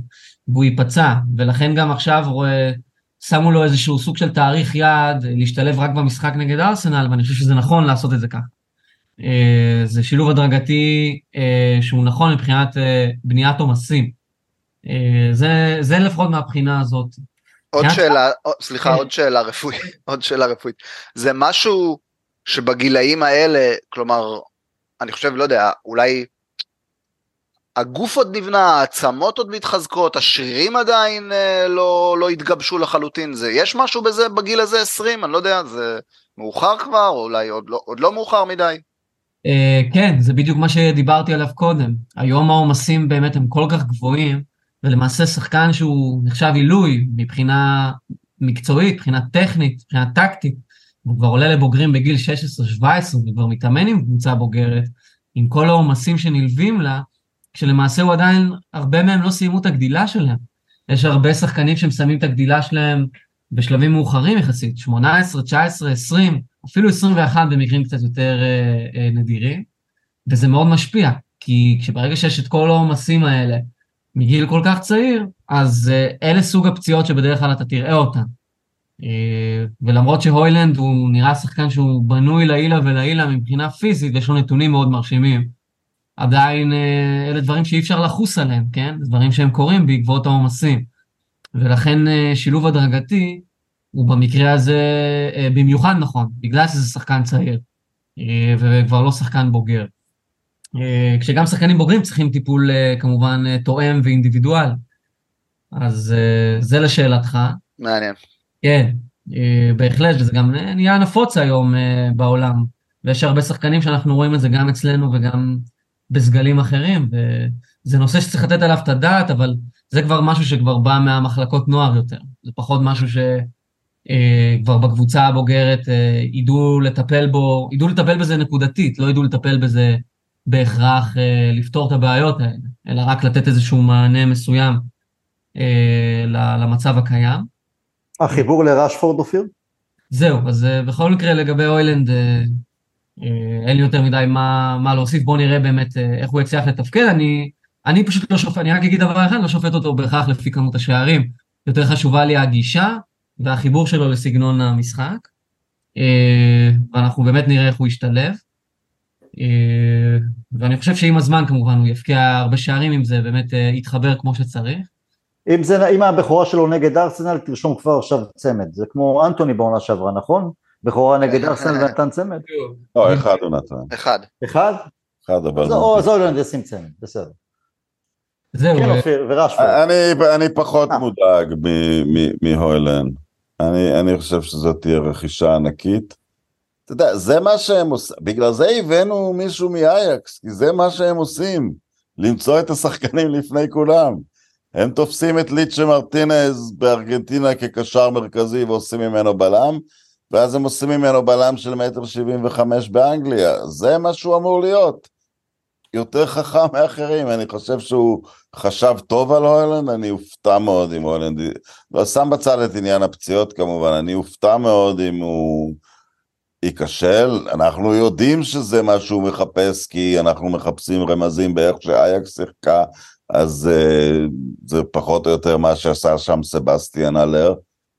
אני חושב שתהיה גמישות בחלוץ המרכזי, שזה גם טוב, רשפורד יקבל את הזמן שלו גם בחלוץ מרכזי, כי זאת גם אמורה להיות העונה שגרנצ'ה הוא עולה להיות, אה, להיות כוכב. אני, אני רואה את הדברים מסתדרים, לא יודע, אולי זה... אולי... זהו, אתה מאוד מדאיג אותי, רונן, כי אתה יודע מה, אם תחזור אחורה בפודקאסט שאהוב לבך מגווייר הגיע לקבוצה, אתה הפלגת בתשבחות והיית בטוח שזה יצליח, לא פחות מאשר עם אוילנד, אז אולי תגיד שאתה קצת בספק עם הולנד ואז זה יצליח לנו, יצליח לנו איתו יותר. לא, לא, אה, זה ויקינג סקנדינבי, אתה יודע, כשהם, כשהם השמידו את אירופה, לא היה להם שברי מאמץ בגב, אני לא חושב. לא ואם היה, אם היה, הם השמידו בכל זאת. כן. אנחנו כבר בגיל שאם לא כואב לנו בגב, כשאנחנו קמים בבוקר אז אנחנו אה, משהו... הולכים. לרופא. כן, בדיוק. לא, אבל גם חלק מהסיבה שאין לו המון המון שערים, זה שהוא כבר נמצא שנתיים ב, בקידום uh, מזורז, הוא התחיל להבקיע באוסטריה, העבירו, בדנמרק העבירו לאוסטריה, במהירות העבירו לאיטליה, הוא כל הזמן בהתקדמות, והוא עומד ב, במבחנים, בנבחרת הוא הבקיע הרבה, ובמשחקים לא, במשחקים רשמיים, לא ידידות, אז אני... אני פה דווקא לא מסכים, מסכים עם אופיר, כי בסופו של דבר אנחנו מודדים חלוץ קודם לפי כמות השערים, ההשקעה וההתאמה לקבוצה זה, ברור, זה, זה מובן מאליו, ואם הוא ישתלב כמו שצריך במשחק שלנו, אז זה יוביל לפתיחת שטחים, לבישולים, אבל בסוף אנחנו רוצים, התשע צריך לתת גולים. אופיר, תשלים לגבי רשפורד. אמ, אז זהו, לגבי רשפורד, אמ, אני חושב שכמו שרון, כמו שאמרת קודם בפתיח, גם אה, רונן התייחס לזה קודם. הוא צריך לקפוץ מדרגה, כולם מצפים את זה ממנו, ראינו שנה שעברה שבאמת זאת כנראה, מאז עונת הפריצה שלו, זאת כנראה הייתה העונה הטובה ביותר שלו מכל הבחינות, overall, בעיקר בגישה, אה, במנטליות ואחרי כל הדברים, התהפוכות שהוא עבר בשנים האחרונות. אה, ואני מקווה שהוא יעשה את זה, כי אם הוא יעשה את זה, הוא למעשה יכול להיות באיזשהו מקום אפילו קצת החונך של הוילנד בהיבט הזה. אולי לקחת ממנו חלק מנטל השערים שאנחנו צריכים, שכמובן, כמו שאמרת, אני כמובן מצפה שהוא יכבוש, כן? אבל אני לא בהכרח מצפה שהוא יכבוש בצרורות. אבל מרשפורד אני כן מצפה, אה, כי הוא כבר נמצא בגיל, והוא נמצא ב state of mind, והוא נמצא עם ניסיון ויכולת טכנית כזאת שאנחנו מצפים ורוצים שזה יקרה, ויש לו גם את כל הנתונים לעשות את זה, אז uh, העונה זה העונה, אם זה, אם זה יקרה. מה, הוא, הוא בן 26 כבר, נכון? יחגוג 26, אז זה, זה הגיל, כן. זה, כן. זה הגיל. 25, 26, כן. כן. אז זה הגיל, זה הזמן. רונן, אה, בפודקאסט הקודם התייחסת לגרינווד מהנושא של אה, מוסר וכדומה. אנחנו גם לא יודעים מה תהיה ההחלטה של ההנהלה עדיין, בהנחה שיגידו כן הוא נשאר אצלנו, אה, עד כמה אתה חושב גם ההיעדרות של שנה וחצי וכל העומס המנטלי שיהיה עליו בגלל הפרשה, הקהל של היריבות שישרוק בוז וגידופים ואור הזרקורים והתקשורת ושחקנים, מן הסתם גם הבלמים שהוא יעמוד מולם יקללו את האמא שלו על זה שהוא עשה מה שעשה, זה גורם לך לחשוב איפשהו שזה כבר לא יהיה ילד הפלא מבחינת הכדורגל שלו ואז אולי לא, בכלל לא עדיף לנו אה, לנסות ולהחזיר אותו לתלם אה, מבחינה מקצועית?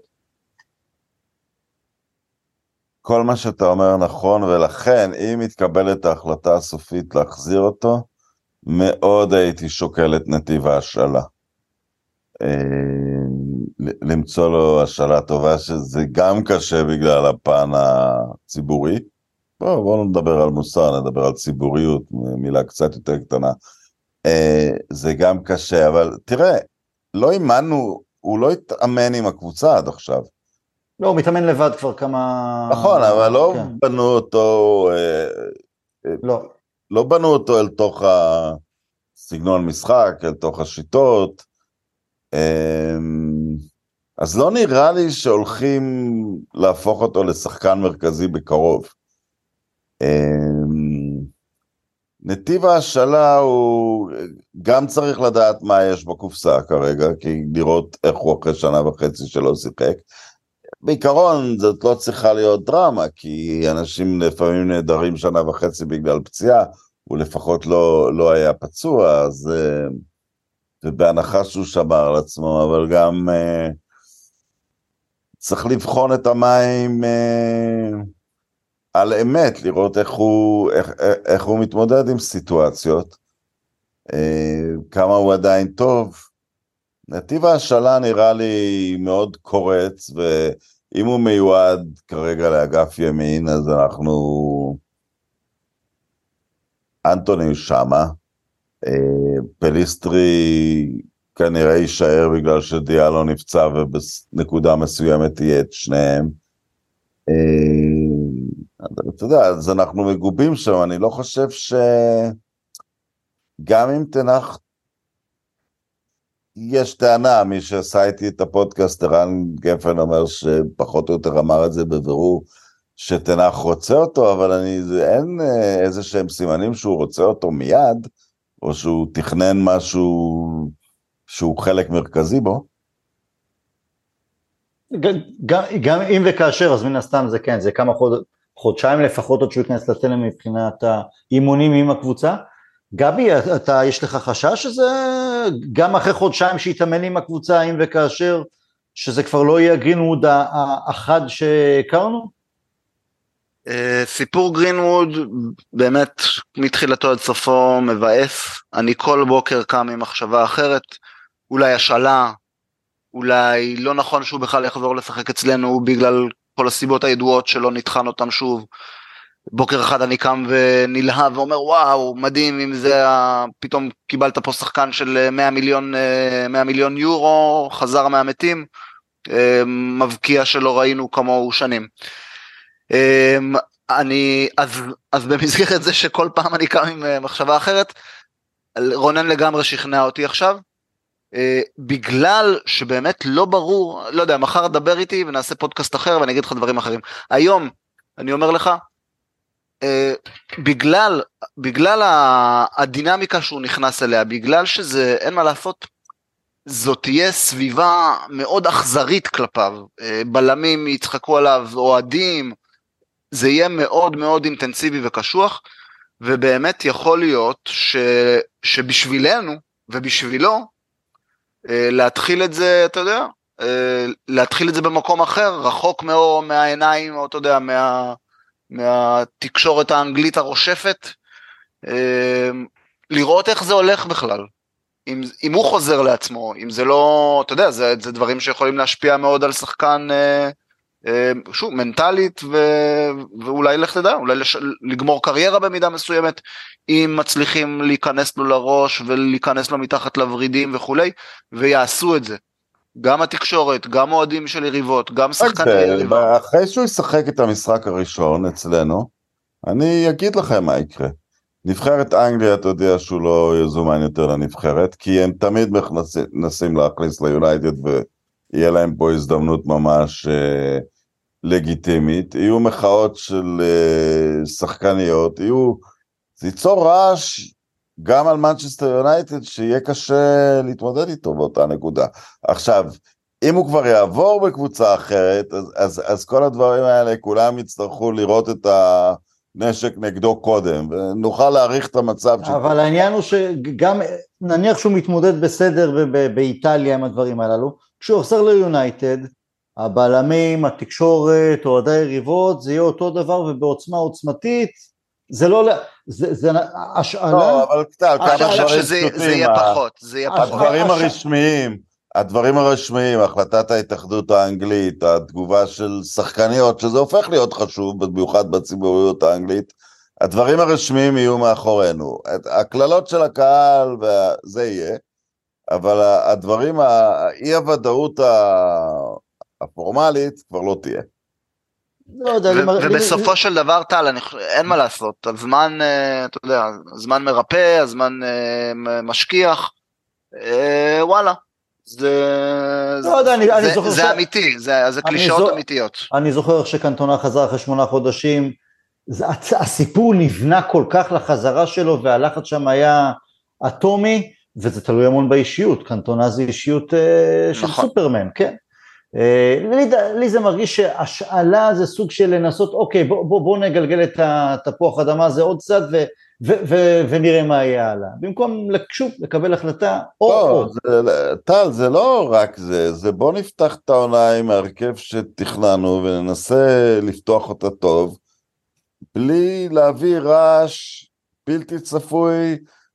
אתה יודע, כמו שדיברנו קודם, שאמר, אני אמרתי לפחות, יונייטד לא יכולה, פרויקט שיקום פרד, פרויקט שיקום מגווייר, זה דברים שאנחנו כבר לא צריכים להתעסק איתם.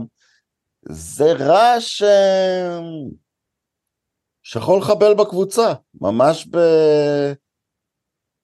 ממש... כן, ב- אבל, אבל, אבל אם הוא בחודשים הראשונים הוא רק מתאמן, אז זה עדיין איפשהו ב... לא, בשקט. אני מדבר על הרגע שמעלים אותו למגרש, לא, לא לפני זה. צריך להתמודד, אין מה לעשות, בחיים אתה מתמודד גם עם דברים קשים, או שאתה נופל או שאתה ממשיך נכון, אבל הלאה. בוא נתמודד עם זה כשנהיה בראש הטבלה באיפשהו בנובמבר, נריץ אותו במשחק גביע ליגה. בדיוק, זה נכון, זה גם תלוי, אה, כמובן, כמו שאתה אומר, זה נכון טל, אבל בוא תיתן לו את הכלים להתמודד, בוא תיתן לנו את הכלים להתמודד. לכן, אה, לכן אני אומר, אז אין מה להשיל. הוא נשאר בקבוצה, הוא מתאמן, עוד חודשיים, עוד שלושה, אחרי שהוא נכנס לכושר, שאנחנו במקום הראשון בנובמבר, משחק גביע הליגה נגד אה, וויגן, סבבה, תעלה אותו, תן לו להתמודד, אבל אם נשיל אותו, לא נגיע אפילו לסיטואציה האפשרית הזו בנובמבר. אה, גבי, אגב, אתה קם כל בוקר, חושב על גרימורד, אני מאחל לך, תקום כל בוקר, תחשוב על החיוך של פרד.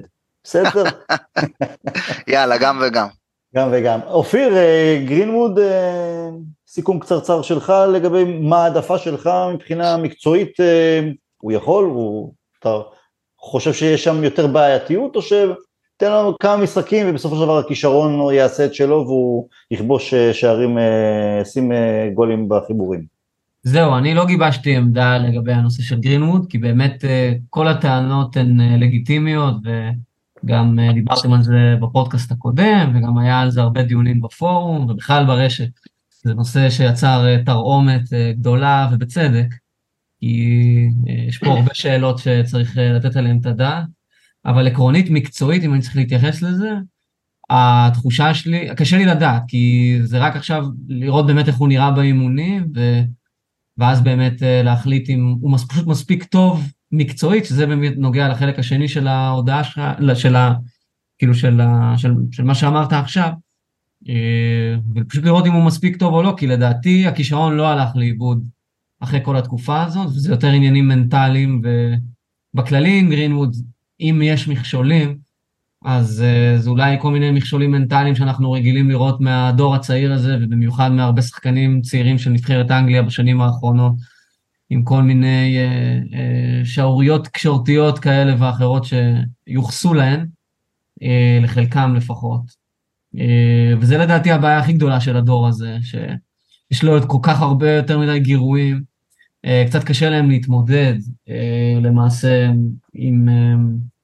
עם חלק מהדברים האלה, וזה משפיע באופן ניכר על הפן המקצועי שלא בהכרח נפגע אה, באופן מהותי. כלומר, אם הוא יחזור עכשיו באמת לכושר, מאוד יכול להיות שהסיומת שלו תהיה חדה והכל, אבל דברים אחרים אה, שקורים מסביב הם ישפיעו על היכולת, ולכן האמת שלא גיבשתי פה דעה סופית בנושא, אז אני לא, אני לא באמת יודע לומר.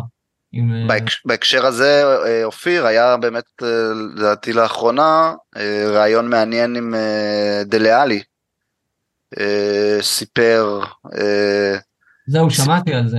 סיפר, מעניין, מעניין לראות, אני ככה רפרפתי על זה לאורך הרעיון, לא רציתי, לא היה לי כוח לראות את הכל, אבל זה בדיוק הדברים האלה שאתה מדבר, כל הגירויים האלה, הכל זמין, אה, שחקן, אתה יודע, אנשים שהגיעו... לא, אבל זה לאלי עבר התעללות אה, מינית שהיה קטן. כן, כן, כן, אני, בוודאי, זה, זה, חלק, זה חלק מהסיפור, אבל גם הוא, גם הוא אומר את זה, הגעתי ממקום כל כך קשה, ופתאום אה, השטיחים אדומים בכל מקום, קשה בדיוק. להתמודד עם הדברים האלה. אה, זה, זה בהחלט בקשר הזה של אה, השפע שיש היום, בטח לשחקנים צעירים עם כסף ופרסום, אה, באמת לא התמודדות קלה, וכשאתה מכניס אל הקלחת הזאת גם את, אה, אתה יודע, רקע כמו של גרינווד, אז, אה, אז זה הרקע של. גרין, הרקע של גרינווד בסדר גמור. לא, הרקע, אני מתכוון- לא קשה. אני כן. מתכוון הרקע, הרקע של מה שקרה לו עכשיו, זה אה, הכוונה. אוקיי, אוקיי. ממש לסיום, רונן, היכן נסיים את העונה, איך היא תיראה בסופה? ניקח את אחד משני התארים הגדולים. או, וואו, וואו. וואו. וואו. אופיר? זהו, אה, גם פה, כמו בנושא גרינווד, הנבואה ניתנה לשוטים. אה, השוטר הראשי דיבר ראשון. אז אפשר, אתה יכול להרגיש בנוח. אני, קשה לי לומר, אני חושב שעדיין הקבוצה לא בשלה אה, כרגע לאליפות. אני חושב שאם דווקא יש לנו סיכוי כלשהו, אז זה יהיה באחד ממפעלי הנוקארט. באמת אולי להגיע רחוק בצ'מפיונס, אולי לקחת את הגביע השנה גם. אני, זה ההערכות הכלליות מאוד אה, בתחושות שלי. גבי? אני הולך על... אה, אני אהיה מדויק הפעם, אני אומר מקום שלישי, חצי גמר אה, צ'מפיונס וגביע, וגביע, אה, הגביע האנגלי. אני, אני חושב שראיתי את, או ראיתי שגארי נביל אמר שאנחנו נהיה ראש בראש עם סיטי לאליפות. אז uh, אני אלך עם גארי נביל, ראש בראש עם סיטי לאליפות. האם ניקח או לא? אני לא, לא חושב שהוא אמר, אבל uh, ניאבק מולם. שאלה אבל מה יותר קשה, האליפות או הצ'מפיונס? תמיד אליפות. יש הבדל בין אתה 38 יודע, אני- אני מחזורים לבין... האחת- אה, אני אמרתי את זה כדי לסייג, לא כדי... ל- אמרתי, אם לא ניקח את האליפות, אני עדיין חושב שנהיה חזק כמו מאבק על הצ'מפיונס, שזה מפעל שתנח אוהב באופן כללי. יש לו שם תיקון לעשות עם הכאב לב שהיה לו אז אה, נגד אה, טוטנאם. חברים, המון, אני חושב ששעה וחצי אוטוטו, משהו כזה, אז המון המון תודה אופיר, שיהיה בהצלחה ב- בהמשך הקריירה המקצועית. תודה רבה. גבי, דש לפרד ולחיוך, תודה רבה לך. נמסור לו כשאני אקום בבוקר. רונן, כל הכבוד למילות פרידה באמת מרגשות מהארי מגווייר, מעריכים מאוד. תודה רבה. ותודה לכם שהאזנתם לנו, שתהיה לנו אה, אחלה עונה שבעולם, וכמו תמיד, will never die, להתראות.